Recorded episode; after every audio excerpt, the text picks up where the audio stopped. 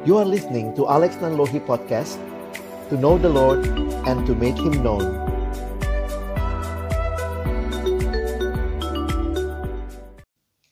Kehidupan yang tanpa pengharapan adalah kehidupan yang paling menyedihkan.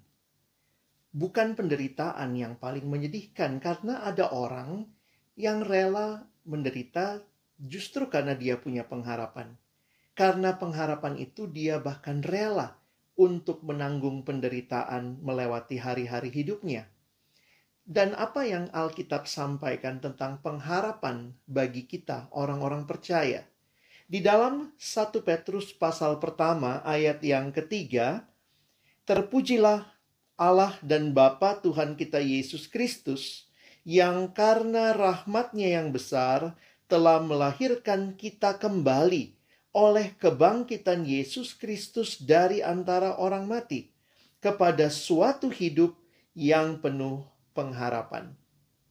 Hidup yang penuh pengharapan Tentunya inilah yang kita rindukan untuk kita alami sebagai orang-orang yang percaya di dalam dunia yang penuh dengan berbagai penderitaan, tantangan, dan kesulitan ini.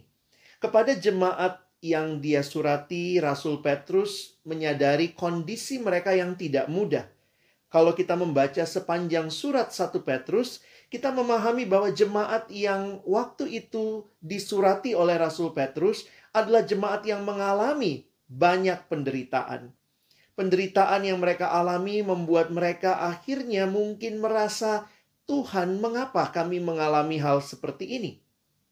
Tetapi kemudian diingatkan bahwa karena mereka percaya kepada Yesus yang hidup, mereka memiliki sebuah pengharapan yang hidup. Yesus Kristus yang karena rahmatnya yang besar telah melahirkan kita kembali oleh kebangkitan Yesus Kristus. Yesus bukan Allah yang mati, Dia Allah yang hidup, dan karena Dia hidup, kita punya pengharapan.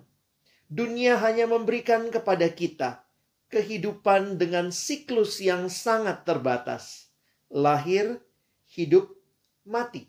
Tetapi karena Kristus bangkit, ini memberikan kepada kita pengharapan bahwa bukan hanya lahir, hidup, mati, tapi bangkit.